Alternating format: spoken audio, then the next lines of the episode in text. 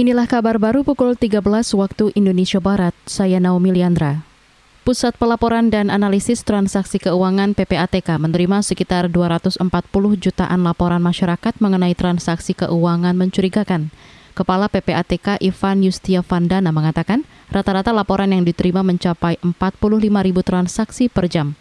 Itu disampaikannya di hadapan Presiden Joko Widodo dalam peringatan 20 tahun Gerakan Anti Pencucian Uang dan Pencegahan Pendanaan Terorisme APU PPT. Di bidang pencegahan, PPATK telah mengimplementasikan aplikasi pelaporan elektronis melalui aplikasi Go Anti Money Laundering atau Go AML. Hingga saat ini, PPATK telah menerima sebanyak 240.394.155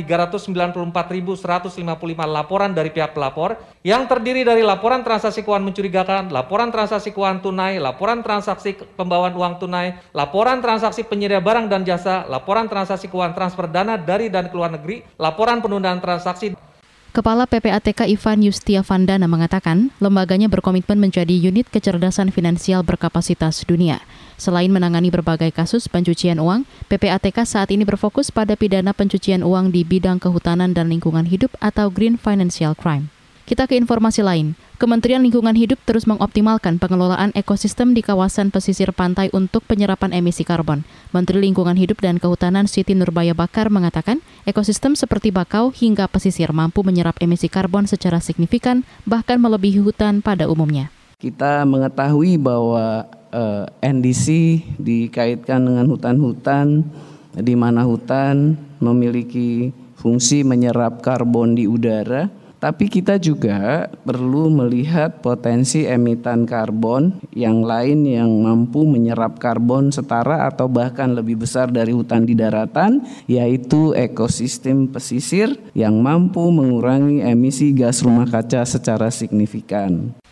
Menteri Lingkungan Hidup Siti Nurbaya Bakar menambahkan ekosistem pesisir meliputi mangrove, rawa payau, hingga tanah rawa. Ia mengatakan pengelolaan ekosistem ini menjadi faktor penting untuk memitigasi perubahan iklim.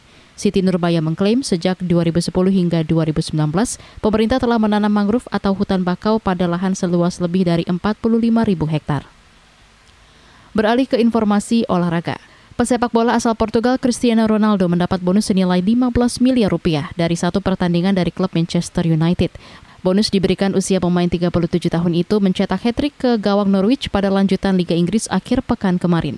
Laga itu berakhir dengan skor 3-2 untuk kemenangan Setan Merah. Dikutip dari tabloid Marsha, Ronaldo juga akan mendapat tambahan bonus senilai 1,8 miliar rupiah untuk setiap gol hingga akhir musim.